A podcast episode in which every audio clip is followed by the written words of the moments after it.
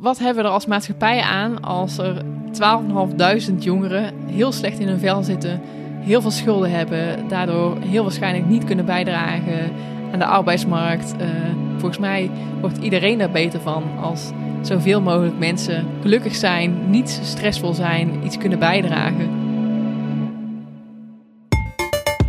Welkom bij Wij zijn kunstenaar. In deze podcast gaan we op onderzoek uit hoe en of kunst kan zorgen voor een blijvende verandering. Mijn naam is Diede Vonk en in deze serie spreek ik creatieve makers die onze wereld kritisch bevragen. Ze betrekken bij hun projecten gewone mensen uit de samenleving, zoals jij en ik. Heel onrealistisch eigenlijk, want er wordt ineens 1050 euro op je rekening gestort. En de jaren daarvoor had ik het gedaan met 300 euro in de maand ongeveer. Dus dan is het wel even zo van, ik ben rijk. Is het een illusie om te denken dat kunst echt iets kan veranderen? Of maken deze projecten daadwerkelijk impact op de makers, deelnemers en de wereld om hen heen? Zijn wij allemaal kunstenaar? En eerst dacht ik van, uh, nou, ja, zal wel zo'n mooi fabeltje zijn. Ik weet niet of dat waar is of niet. En uh, toen dacht ik, nou, niet geprobeerd is altijd mis. Toen heb ik eraan meegedaan. Toen kreeg ik het geld gestort. En uh, toen dacht ik meteen schulden afbetalen. Want dus als ik mijn schulden allemaal heb uh, afgedaan, dan kan ik een nieuw, een nieuw chapter, een, een nieuw hoofdstuk beginnen, zeg maar. De initiatieven waarover je zult horen, hebben steun gekregen van het Vriendenloterijfonds. Ik hoop dat de makers en deelnemers die ik spreek me kunnen leren hoe zij met kunst een verandering teweeg brengen. Ik ga het ontdekken en neem je graag mee.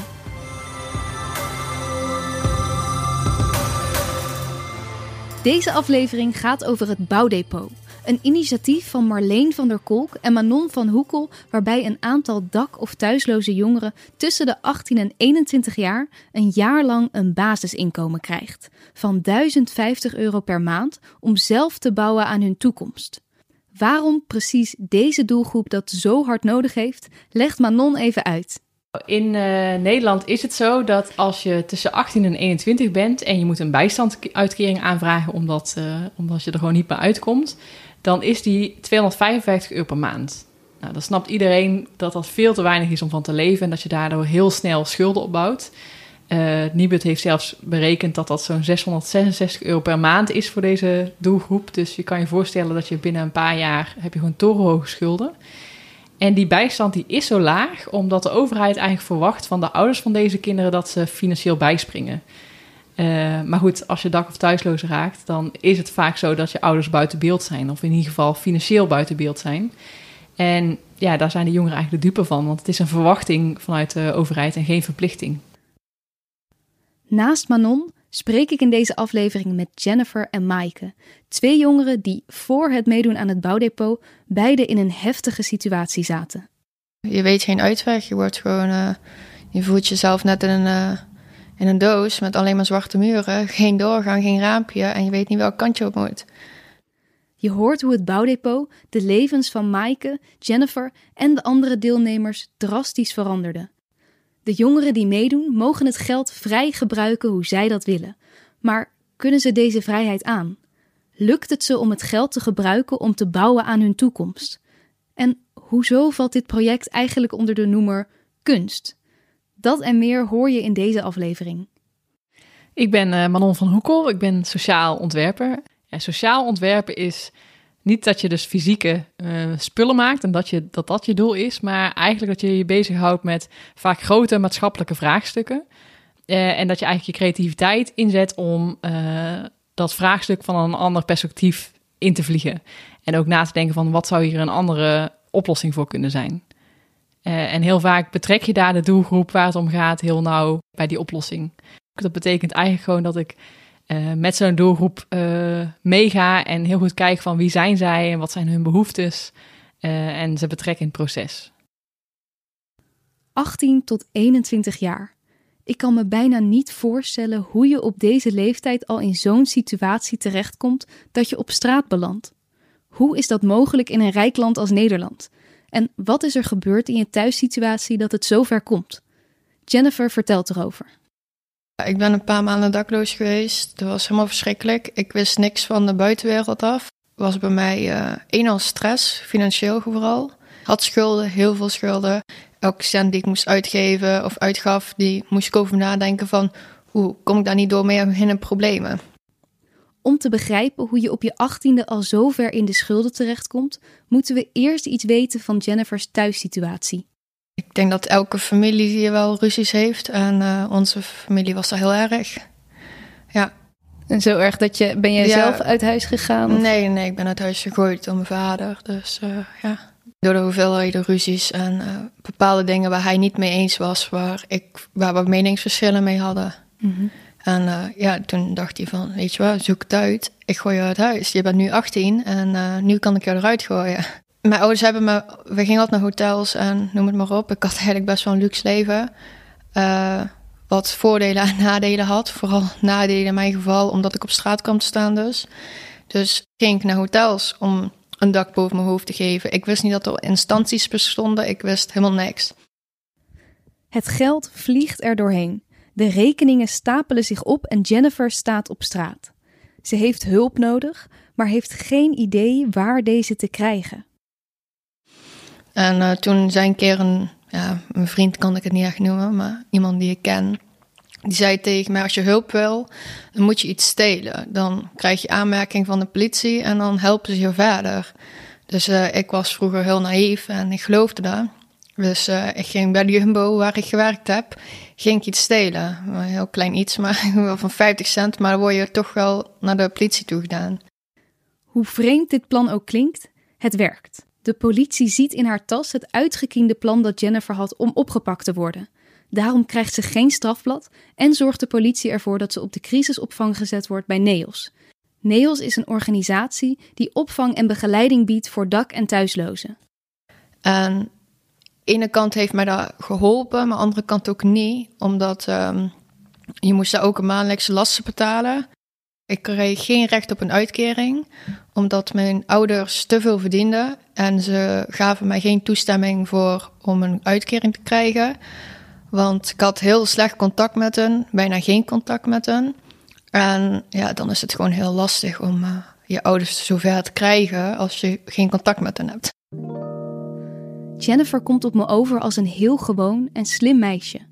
Als je haar ziet, zou je geen idee hebben dat ze zo lang dakloos geweest is. Ik weet niet precies wat ik had verwacht, maar bij het woord dakloze had ik zelf toch een heel ander beeld. Bij daklozen denken we door de beelden eigenlijk die door de media worden gebruikt, heel snel aan mensen die onverzorgd zijn uh, en ergens op een bankje op straat slapen. Nou, daar kwam ik heel snel achter dat dat bij deze doelgroep totaal niet zo is. Als je deze jongeren ontmoet, in ieder geval tot nu toe alle jongeren die ik ooit heb uh, ontmoet, die dag- of thuisloos zijn of zijn geweest, dat zijn gewoon, ja, dat zouden mijn jongere broers of zusjes kunnen zijn, of mijn neefjes of mijn nichtjes. Dus je kan niet aan hen zien dat ze dag- of thuisloos zijn. En het grootste deel uh, verblijft of in een crisisopvang, um, of slaapt bij vrienden op de bank. Dus dat noemen we bankhoppers. Uh, dus die zijn afhankelijk van het, netwerk wat ze hebben.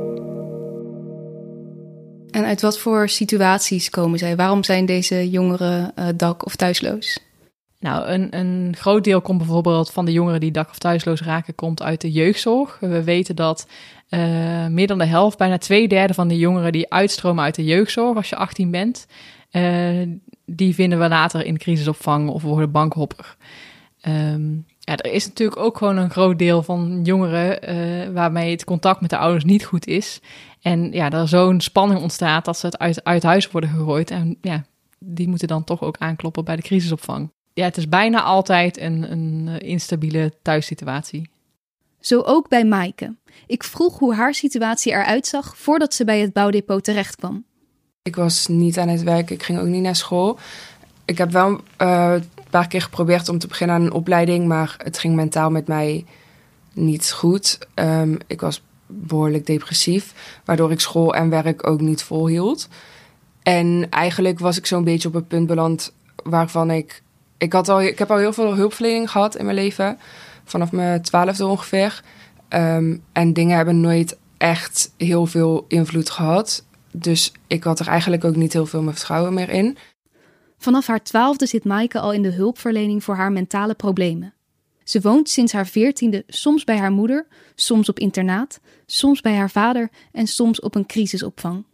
Vanaf haar zeventiende woont ze op zichzelf, via begeleid wonen bij NEOS.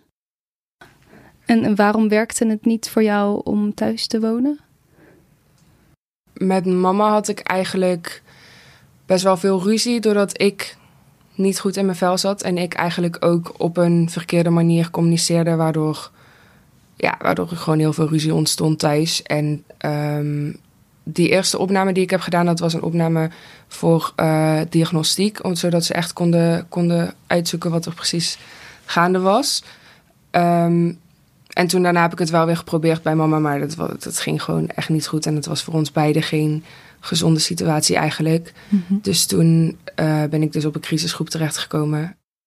Maaike kampt dus van jongs af aan al met zware depressies en gedragsproblemen. Ook bloot ze veel. Ze is zich bewust van haar problemen en wil hier graag aan werken. Maar de ambulante hulp die ze een uurtje per week krijgt in de crisisopvang is niet genoeg. Het liefste wat ze zou willen is zichzelf drie maanden intern op te laten nemen in een kliniek. Ze legt uit waarom dit voor het bouwdepot onmogelijk was voor haar. Het ding was dat als ik, um, het, bouwdepot, als ik het bouwdepot niet had gehad, dan, toen had ik een uitkering een tijdje. En mijn uitkering zou gestopt worden als ik een opname zou doen. Dus dan zou ik drie maanden dus mijn huur niet kunnen betalen. En dan zou ik eigenlijk op straat staan als ik terug zou komen. En dat was geen optie. Dat was eigenlijk mijn grootste zorg op dat moment, geld. En hoe ga ik dat doen? En wat als ik uh, geen huis meer heb als ik terugkom? En ja, dat was hetgene wat mij het meest bezig hield eigenlijk. En wat mij tegenhield ook. Het bouwdepot komt dus als geroepen. En misschien wel net op tijd. Zometeen hoor je wat het bouwdepot heeft betekend voor Jennifer en Maaike. Eerst ben ik benieuwd hoe zo'n bouwdepot precies in zijn werk gaat. Nou, met het bouwdepot uh, uh, starten we eigenlijk om samen met de jongeren te kijken van wat wil je in dit jaar doen? Wat zijn de doelen die je wil behalen? Maar ook welke afspraken moeten we nou eigenlijk met jou maken om ervoor te zorgen dat ja, jij er zoveel mogelijk uit kan halen wat jij wil. Dus ze schrijven, ja, ze schrijven eigenlijk zelf, wij noemen dat dan een bouwplan. En daar staan die afspraken en doelen in. En dan worden de jongeren begeleid door een persoonlijk begeleider. We werken daarin mee samen met lokale zorgorganisaties. En die begeleiden de, de jongeren maandelijks of wat er per jongere, wat de vraag uh, is. En wij doen als bouwdepot onderzoek. Dus we kijken naar wat is het effect nou eigenlijk van zo'n maandelijks vast inkomen. En wat onze rol ook is, is heel erg het ophalen van die ervaringen en die verhalen. En die eigenlijk vertalen naar politici, naar ambtenaren. Uh, dus daar komt dat stukje ontwerp eigenlijk weer kijken. Ja, zodat het invoelbaar is wat het nou eigenlijk precies betekent om op dak of thuisloos te zijn. Hoe je in die situatie terechtkomt, maar ook wat het betekent om uh, dat bouwdepot te hebben. Uh, omdat we merken dat er gewoon ontzettend veel vooroordelen over deze jongeren zijn. Dus ja, dat is wel echt onze taak om die uh, te tackelen. Op het begin vertelde Manon dat ze haar projecten altijd ontwikkelt samen met de doelgroep. Hoe hebben ze het bouwdepot samen met de jongeren vormgegeven? Door mijn samenwerking met Stichting Zwerfjongeren Nederland had ik ook al veel contact met allerlei uh, jongeren die dak- of thuisloos zijn of zijn geweest. Dus eigenlijk gewoon door hen voor te stellen van... hey, hoe zouden jullie het vinden als je dit inkomen krijgt? En voor, voor wie zou dat dan moeten zijn? Uh, en uh, wat voor afspraken moeten dan gemaakt worden en voor hoe lang moet het zijn? Dus eigenlijk gewoon door het hen te vragen. En zo kwamen we onder andere op dat idee van dat bouwplan. Uh, en dat bijvoorbeeld de afspraken die daarin worden gemaakt, echt afspraken zijn die jongeren helpen in plaats van ze restricties opleggen. Dus we werken heel erg vanuit vertrouwen in plaats van wantrouwen. Dan kan ik wel een voorbeeld uh, uitgeven. Er, is bijvoorbeeld een jongen en die zei. Uh, toen we het hadden over zijn netwerk en vrienden, dat veel van zijn vrienden ook in financiële moeilijkheden zitten. Dus toen zijn begeleider vroeg van ja, wat zou jij dan doen als een vriend van jou vraagt van hey, ik heb gehoord van het bouwdepot, ik zit deze maand eigenlijk heel krap, kan ik 200 euro van jou lenen? En toen zei hij ja, dat vind ik best lastig om dan nee te zeggen. Dus het zou me eigenlijk helpen als dat niet mag. Dus in zijn uh, bouwplan staat uh, als afspraak dat hij het geld alleen maar dat hij dat niet uit mag lenen aan, aan anderen. Dus dat is geen regel om hem een soort restricties op te leggen, maar om hem echt te helpen. Om ervoor te zorgen dat hij dat besteedt aan, aan zichzelf. Um, en zo zijn alle regels bij iedere jongere ook weer anders. En ja, dat komt niet vanuit ons. Dat komt echt doordat we een gesprek hebben met die jongeren van wat, wat helpt jou nou? Voor zo'n samenwerking heb je natuurlijk wel deelnemers nodig die zelfstandig zijn en echt gemotiveerd zijn om uit hun situatie te komen. De begeleiders van Maaike en Jennifer zien dat die zelfstandigheid en motivatie iets is wat zij allebei hebben. Ze willen hun situatie veranderen, maar de omgeving en omstandigheden werken tegen. Ik ben heel benieuwd wat hun eerste reactie was toen ze hoorden dat ze mee mochten doen. Ja, ik voelde me eigenlijk heel erg vereerd. Want mijn begeleidster vanuit NEOS vertelde tegen mij over het bouwdepot en wat het inhield. En toen vertelde ze dus dat ik, voor, ik ervoor werd gevraagd of dat ik mee wou doen. En toen dacht ik eigenlijk, wow. wow dat, dat, ja, ik, vond het, ik zag het als een hele grote kans. En ik voelde me heel erg, uh, heel erg vereerd. En ik vond het echt super fijn dat ik mee mocht doen. Ja, ik was heel blij die dag. Heel onrealistisch eigenlijk. Want er wordt ineens 1050 euro op je rekening gestort. En de jaren daarvoor had ik het gedaan met 300 euro in de maand ongeveer. Dus dan is het wel even zo van, oh, ik ben rijk. ja, toen kwam het Boutepro dus tot mijn aanspreekpunt van of ik mee wilde doen. En eerst dacht ik van, uh, nou, ja, zal wel zo'n mooi fabeltje zijn. Ik weet niet of dat waar is of niet. En uh, toen dacht ik, nou, niet geprobeerd is altijd mis. Toen heb ik eraan meegedaan. Ja, het eerste moment weet ik nog precies. ik mocht toen mijn handtekening zetten van nu is het echt zo. En toen was het nog even afwachten van, nou, krijg ik wel echt einde van de maand die 1050 gestort. En ja hoor, kreeg ik precies einde van de maand, of begin van de maand was het net altijd, kreeg ik het geld gestort. En uh, toen dacht ik meteen schulden afbetalen. Want als ik mijn schulden allemaal heb uh, afgedaan, dan kan ik een nieuw, een nieuw chapter, een, een nieuw hoofdstuk beginnen, zeg maar. Dat was ook zeg maar, wat ik het ergste hoopte, dat ik gewoon geen schulden meer had, dan geen stress meer. Het tweede doel van mij was dat ik een auto had, dat ik een studie mee kan beginnen. En dat ik gewoon wat meer rust en vrije tijd heb en geen stress. Jennifer's belangrijkste doel was dus haar schulden afbetalen. Ik vroeg haar waarom ze dan niet gewoonweg in de schuldsanering was gegaan. Ze vertelt me dat dat voor haar onmogelijk was, omdat ze dan haar auto kwijt zou raken. Ik merk, hoewel ik het eigenlijk niet wil, dat er toch bij mij wat oordeel naar boven komt. Is een auto dan echt zo belangrijk als je niet eens een huis hebt? Ik heb het met Manon over dit gevoel. Ze legt me uit hoe zij hier naar kijkt. Om dat te begrijpen is het belangrijk dat we eerst nog iets meer inzoomen in wat het verschil is tussen het bouwdepot en een uitkering. Met een uitkering is dat is volgens ons iets meer gebaseerd op basis van wantrouwen, waarin je de hele tijd moet laten zien uh, dat je het niet uitgeeft aan de verkeerde dingen. Hey, je moet vaak bij uh, uitkeringen heb je sollicitatieplicht. Um, uh, dus er zitten allerlei restricties aan vast. Je mag bijvoorbeeld ook niet bijverdienen. En bij Bouwdepot ja, krijg je dat geld echt vanuit vertrouwen. Dat we denken, jij weet zelf het beste waar jij dit aan uit kan geven. En tuurlijk worden jongeren daarin begeleid. Uh, maar dat betekent dus ook dat als een jongere denkt: hey, ik, ik uh, heb nu een bijbaantje en ik kan een klein beetje erbij werken, dat, dat, dat ze niet worden gekort in hun uh, bouwbudget, dus in het geld wat ze vanuit de bouwdepot krijgen. Omdat wij denken: ja, het is juist goed als jij gaat werken, want daarmee, het gaat niet eens alleen maar over het geld, maar daarmee bouw je, bouw je bijvoorbeeld ook een nieuw netwerk op, wat ook heel belangrijk is. En het beetje extra geld wat je dan hebt, daarmee kan je ook sparen. En het grappige is, hè, als we praten over uh, bijvoorbeeld onze eigen kinderen, zeggen we allemaal: ja, het is heel goed om te sparen. Want wat nou als je wasmachine stuk gaat? Maar als je een uitkering krijgt, dan krijg je niet die ruimte om te sparen. Kijk, en laten we eerlijk zijn: 1050 euro, dat is als je op jezelf moet wonen, dat is geen vetpot. Dus daar hou je niet heel veel van over. Dus ja, dus bijvoorbeeld die ruimte om, om te werken, die, die is er bij ons wel. En om het als jij het uit wil geven aan, de, aan het halen van je rijbewijs, als jij denkt dat het een hele verstandige keuze is voor nu en voor de toekomst, ja, dan moet je dat misschien doen. En misschien kom je er later achter dat het niet het, beste idee was, maar dan heb je daar ook weer van geleerd.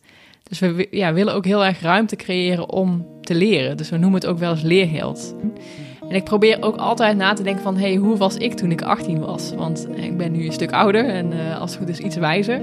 En ik merk dat, je, dat we als maatschappij heel snel kijken naar die doelgroep van... oh ja, zie je wel, jij maakt de verkeerde keuzes. Terwijl, hoe vaak heb ik wel niet een keer een week lang boterham met pindakaas moeten eten... omdat ik gewoon weer een iets te dure jurk of iets had gekocht... Ja, dat gebeurt ons allemaal. En dat zijn eigenlijk juist momenten waarvan je leert en waarin je heel erg in ontwikkelt. Maar dan moet je wel die ruimte hebben om die fouten te, te kunnen maken. Er is ook een mooi voorbeeld en dat is denk ik helemaal geen, totaal geen miskoop of geen fout, maar wel iets waarvan misschien uh, een gemiddeld persoon zou zeggen, ja, is dat nou nodig? een, een meisje uit de eerste groep die heeft bijvoorbeeld tijdens het bouwdepotjaar voor het eerst weer sinds jaren haar verjaardag gevierd. En die heeft een hele mooie taart laten bezorgen. Die ze helemaal in haar stijl uh, had laten decoreren. En ze had een, uh, maar een heel klein groepje vrienden uitgenodigd. Maar dat was voor haar zo bijzonder van... wow, dit is iets wat ik altijd had willen doen en dit is iets speciaal voor mij. En voor een ander, die zou misschien denken... ja, je kunt toch ook voor 5 euro een taart kopen bij de HEMA. Maar voor haar zorgt het voor ontzettend veel eigenwaarde. En dat ze een keer iets kan doen ja, wat echt helemaal voor haar is en wat haar gelukkig maakt. Dus wat mij betreft is dat dan een hele slimme en hele goede uitgave. Dus ik, ja, ik ben zelf ook wel anders gaan kijken naar de beslissingen die zij maken. Dus toen ik voor het eerst las dat drie van de vijf jongeren allemaal een rijbewijs wilden halen, dacht ik zelf ook, ja, is dat dan al echt prioriteit? Maar toen ik van hun leerde van, ja, wij hebben een heel klein netwerk en dit zorgt ervoor dat we niet afhankelijk zijn uh, van anderen. Maar dat als wij via Marktplaats een tweedehands bank kopen voor in ons huis, dat we die zelf kunnen gaan halen. En als wij uh, bij de Albert Heijn of uh, bij de Jumbo als bezorger willen gaan werken, dat dat kan, omdat we ons rijbewijs hebben. Dus het geeft ons ook heel veel vrijheid. En dat heb ik er eigenlijk van geleerd. Dus dat je eigenlijk altijd moet doorvragen van, oh, maar hoe zit dat dan? En dat verhaal proberen we ook door te vertellen aan gemeentes, ambtenaren, politici, zodat zij ook met die andere blik gaan kijken. Ook een goede les voor mij dus. Je weet niet altijd wat er schuil gaat achter iemands keuzes. Oordeel niet te snel. Dankzij het bouwdepot heeft Maaike haar opname kunnen doen. Ze heeft drie maanden intern aan zichzelf kunnen werken en kreeg daarna via de gemeente een eigen huisje waar ze nu nog woont. Ik vraag haar wat ze heeft geleerd. Van de opname, maar ook van het afgelopen jaar. Voornamelijk om wat meer te vertrouwen op mezelf. En niet altijd het negatieve in te zien van dingen. Ehm, maar, voornamelijk, eh, maar ook gewoon het positieve. En ik heb ook heel erg geleerd om te praten over mijn gevoelens. Daarvoor was ik echt heel erg gesloten en praatte ik eigenlijk met niemand over hoe ik me voelde en hoe het echt met me ging. Ja, mijn familie en mijn, mijn close vrienden waren er wel van op de hoogte dat het niet goed met me ging, maar niet hoe ver dat eigenlijk ging. En voorheen blode ik ook heel erg veel. Eigenlijk om mijn gevoelens maar weg te hoeven stoppen en er maar niet mee bezig te hoeven zijn. En dat heb ik ook geleerd, gewoon om niet, mijn gevoelens niet weg te hoeven stoppen, maar er gewoon over te kunnen praten. En het is oké als je je kut voelt, zolang je maar daarna wel gewoon weer doorpakt en de goede dingen voor jezelf doet, zeg maar. Goede keuzes maakt. Ik heb nu geen dingen meer die mij tegenhouden om uh, te, gaan wat, te gaan voor wat ik wil. Wat gaaf. Wat zou je het allerliefste willen doen? Ik wil heel graag weer terug naar school. Ik wil graag beginnen aan een HBO-opleiding. En dat ga ik ook doen binnenkort. Ik weet nog niet of het dit schooljaar gaat zijn of het schooljaar daarna, omdat ik een interne opleiding ga doen, eerst via mijn werk. Um, maar ik wil sowieso nog een HBO-diploma halen. En mijn rijbewijs halen wou ik ook heel graag. En ik heb mijn eerste rijles laatst gehad. Dus daar ben ik ook mee bezig nu ja, dat waren eigenlijk altijd mijn, mijn doelen. Zeg maar. Het grootste doel wat ik altijd had was gewoon gelukkig zijn en me goed voelen en een eigen huis hebben. En dat heb ik allemaal bereikt. dus ja. Heb je een idee? Um, nou, dat is natuurlijk geweldig dat dat nu allemaal gelukt is. Heb je een idee waar je zou zijn geweest als je niet dat hele bouwdepot-traject zou hebben gehad? Ja, altijd als mensen dat aan me vragen, vind ik toch een beetje lastig. Omdat ik altijd eigenlijk heb gedacht dat ik niet ouder zou worden dan 20. En um, dat ook echt heel lang heb geloofd. Tot ik uiteindelijk dus de kliniek in ben gaan. Ik ben in de kliniek 20 geworden, terwijl ik daar binnen zat ook. Um, dus ja, als ik mijn ouder zelf moet geloven, dan was ik er niet meer geweest. Maar gelukkig is dat niet gebeurd. Weet je? Ja. Hoe, waar kwam dat geloof vandaan dat je. Eigenlijk omdat ik al zo jong mezelf altijd verdrietig voelde en dus eigenlijk al zo jong depressief was, dat ik niet echt meer wist hoe het voelde om gelukkig te zijn en iets te maken van je leven. En er op een gegeven moment ook gewoon niet meer in geloofde dat het nog anders zou worden, omdat dat het enige was wat ik kende eigenlijk. Dus eigenlijk meer gewoon de hoop een beetje had opgegeven. Ook Jennifer heeft tijdens het bouwdepot keihard gewerkt om haar doelen te behalen. Ik heb elke maand eigenlijk van 1050 euro heb ik 800 eh, euro meteen naar mijn schulden afbetaald. En de rest eh, ging ik, uh, ja, ik werkte nog in de horeca daarnaast. Dus de rest heb ik met mij, verdiensten van de horeca, heb ik de rest mee gedaan. maar vooral de eerste die 800 euro alleen naar de schulden gedaan. En dat een jaar lang. En nu heb ik ze, ja, nu heb ik ze allemaal afbetaald. ja, je kon ervoor kiezen dat ze jouw geld zeg maar in bezit hielden. En uh, dat ze voor jou zeg maar elke maand de kosten betaalden. Alleen ik koos ervoor dat ik zelf het geld bijhouden. Uh, iemand die begeleidde me wel een beetje financieel van een overzichtje van wat mijn vaste lasten zijn en wat mijn inkomsten zijn. Zodat ik een beetje een overzicht heb wat erin en uitgaat. Alleen voor de rest heb ik eigenlijk alles zelf gedaan. En uh, ja, daar ben ik echt heel.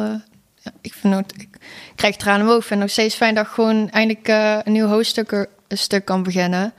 Want uh, nu heb ik gewoon, als nou iemand vraagt aan mij, heb je schulden? Kan ik zeggen, nee, ik heb geen schulden.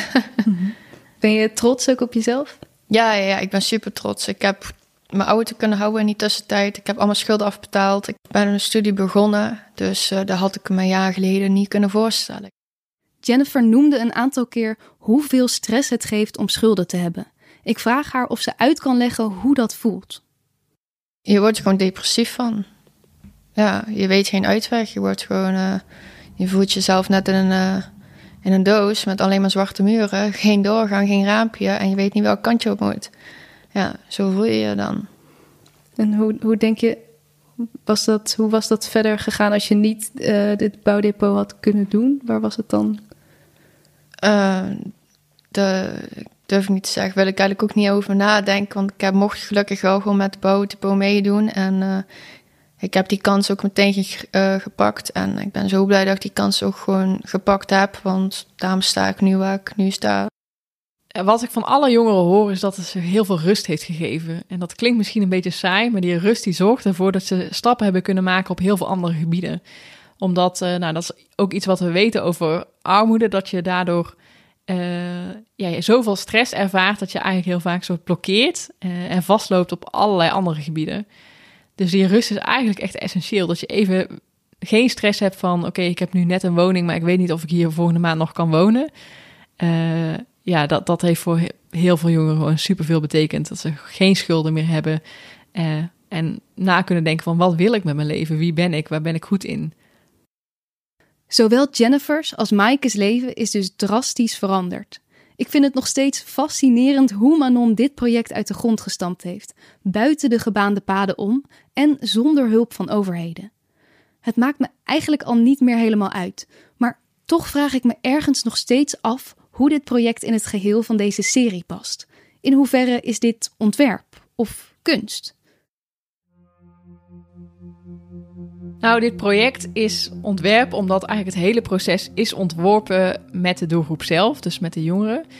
En uh, dat we eigenlijk een, een soort uh, wereld die nog niet bestaat, of in ieder geval niet uh, binnen de overheid, namelijk dat deze doelgroep een inkomen krijgt, dat we die ineens voorstelbaar maken. Door het gewoon te doen, door dus die prototypes te maken, te proberen, te experimenteren en dat te verbeteren. Maar ook door heel erg slim na te denken hoe gaan we dat verhaal nou eigenlijk vertellen? Manon en de jongeren verzinnen allerlei creatieve manieren om hun ervaringen te delen met politici en betrokken gemeenteambtenaren. Zo maken ze bijvoorbeeld een podcast waarvan fragmenten via WhatsApp naar deze mensen worden gestuurd, zodat het echt aankomt en invoelbaar wordt gemaakt wat dit project betekent.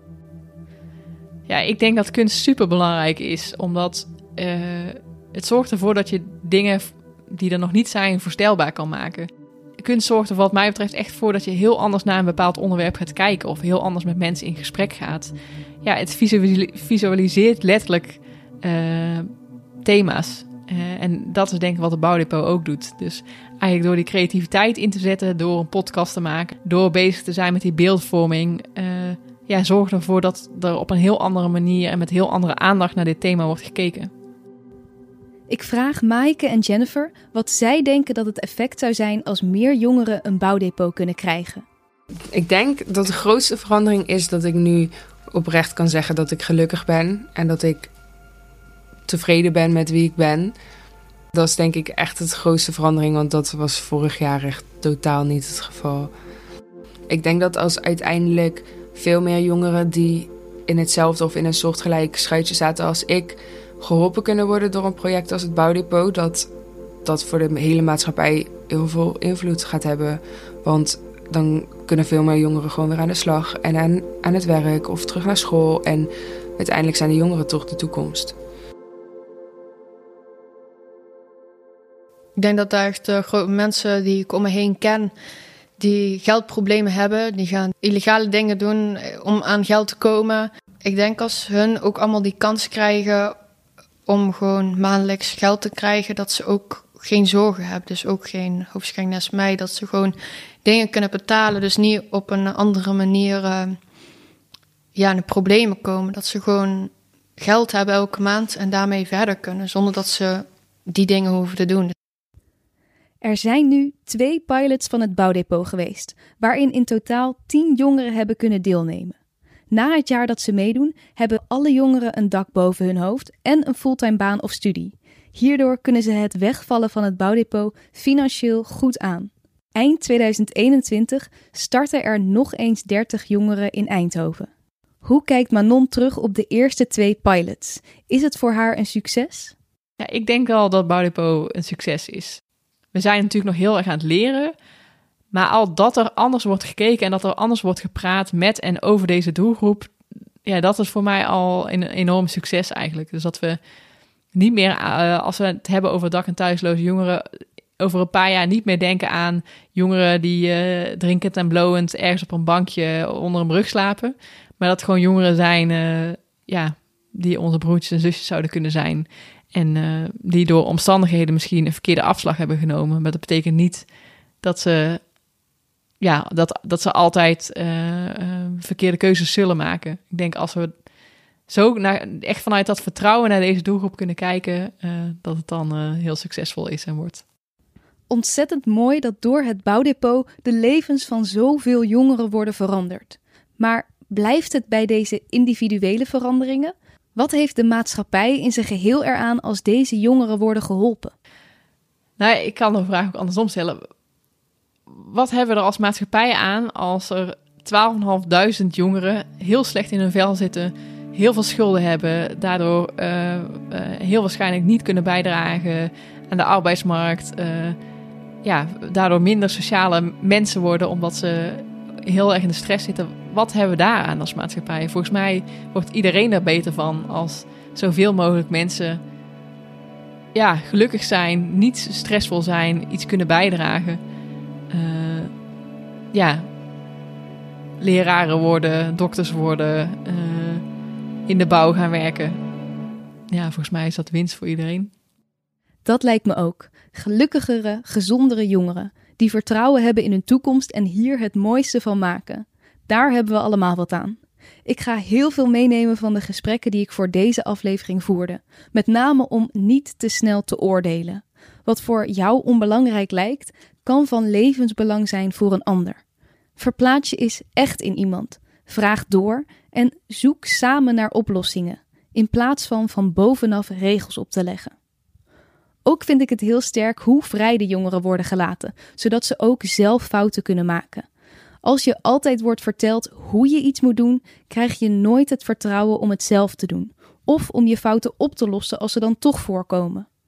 Ook vind ik het te gek dat het feit dat dit project bestaat, laat zien dat als jij een goed plan hebt en dit uit wil voeren, dat dat kan dat je soms buiten de gebaande paden om een wereld van verschil kan maken. Dankjewel voor het luisteren naar Wij zijn kunstenaar, een podcast van het Vriendenloterijfonds. De volgende aflevering gaat over het project LIG van dansgezelschap X Yusuf Bos. Choreograaf Mohammed Yusuf Bos maakt met dit project voelbaar wat het betekent om een biculturele achtergrond te hebben. Mohammed vluchtte zelf op zijn derde met zijn moeder, broer en zussen uit Somalië. Voor dit project interviewde en fotografeerde hij mensen uit de Somalisch-Nederlandse gemeenschap in Groningen en Emmen. Deze foto's en interviews vormen de basis van de multidisciplinaire dansvoorstelling LIG. Je hoort in deze aflevering hoe het opgroeien in twee werelden uitdagingen heeft, maar ook een unieke blik op de wereld oplevert. Dat hoor je volgende keer. We hopen dat je dit een interessante aflevering vond. Abonneer je op de podcast om onze aankomende afleveringen niet te missen. Ook zou je ons enorm helpen door een recensie achter te laten of de podcast aan te raden aan een bekende. In deze aflevering sprak ik Manon van Hoekel, Jennifer en Maaike. In verband met privacy laten we de achternamen even achterwege. Het bouwdepot kon uitgevoerd worden mede door steun van het Vriendenloterijfonds. Meer weten over de mooie projecten die zij ondersteunen? Ga naar vriendenloterijfonds.nl. De muziek die je nu hoort en alle andere muziek uit deze aflevering werd gemaakt door David Schwartz. Het audiodesign werd verzorgd door Sonja Vos en de editing en presentatie door mij, Diede Vonk. Deze podcast is een productie van de Makers Podcast.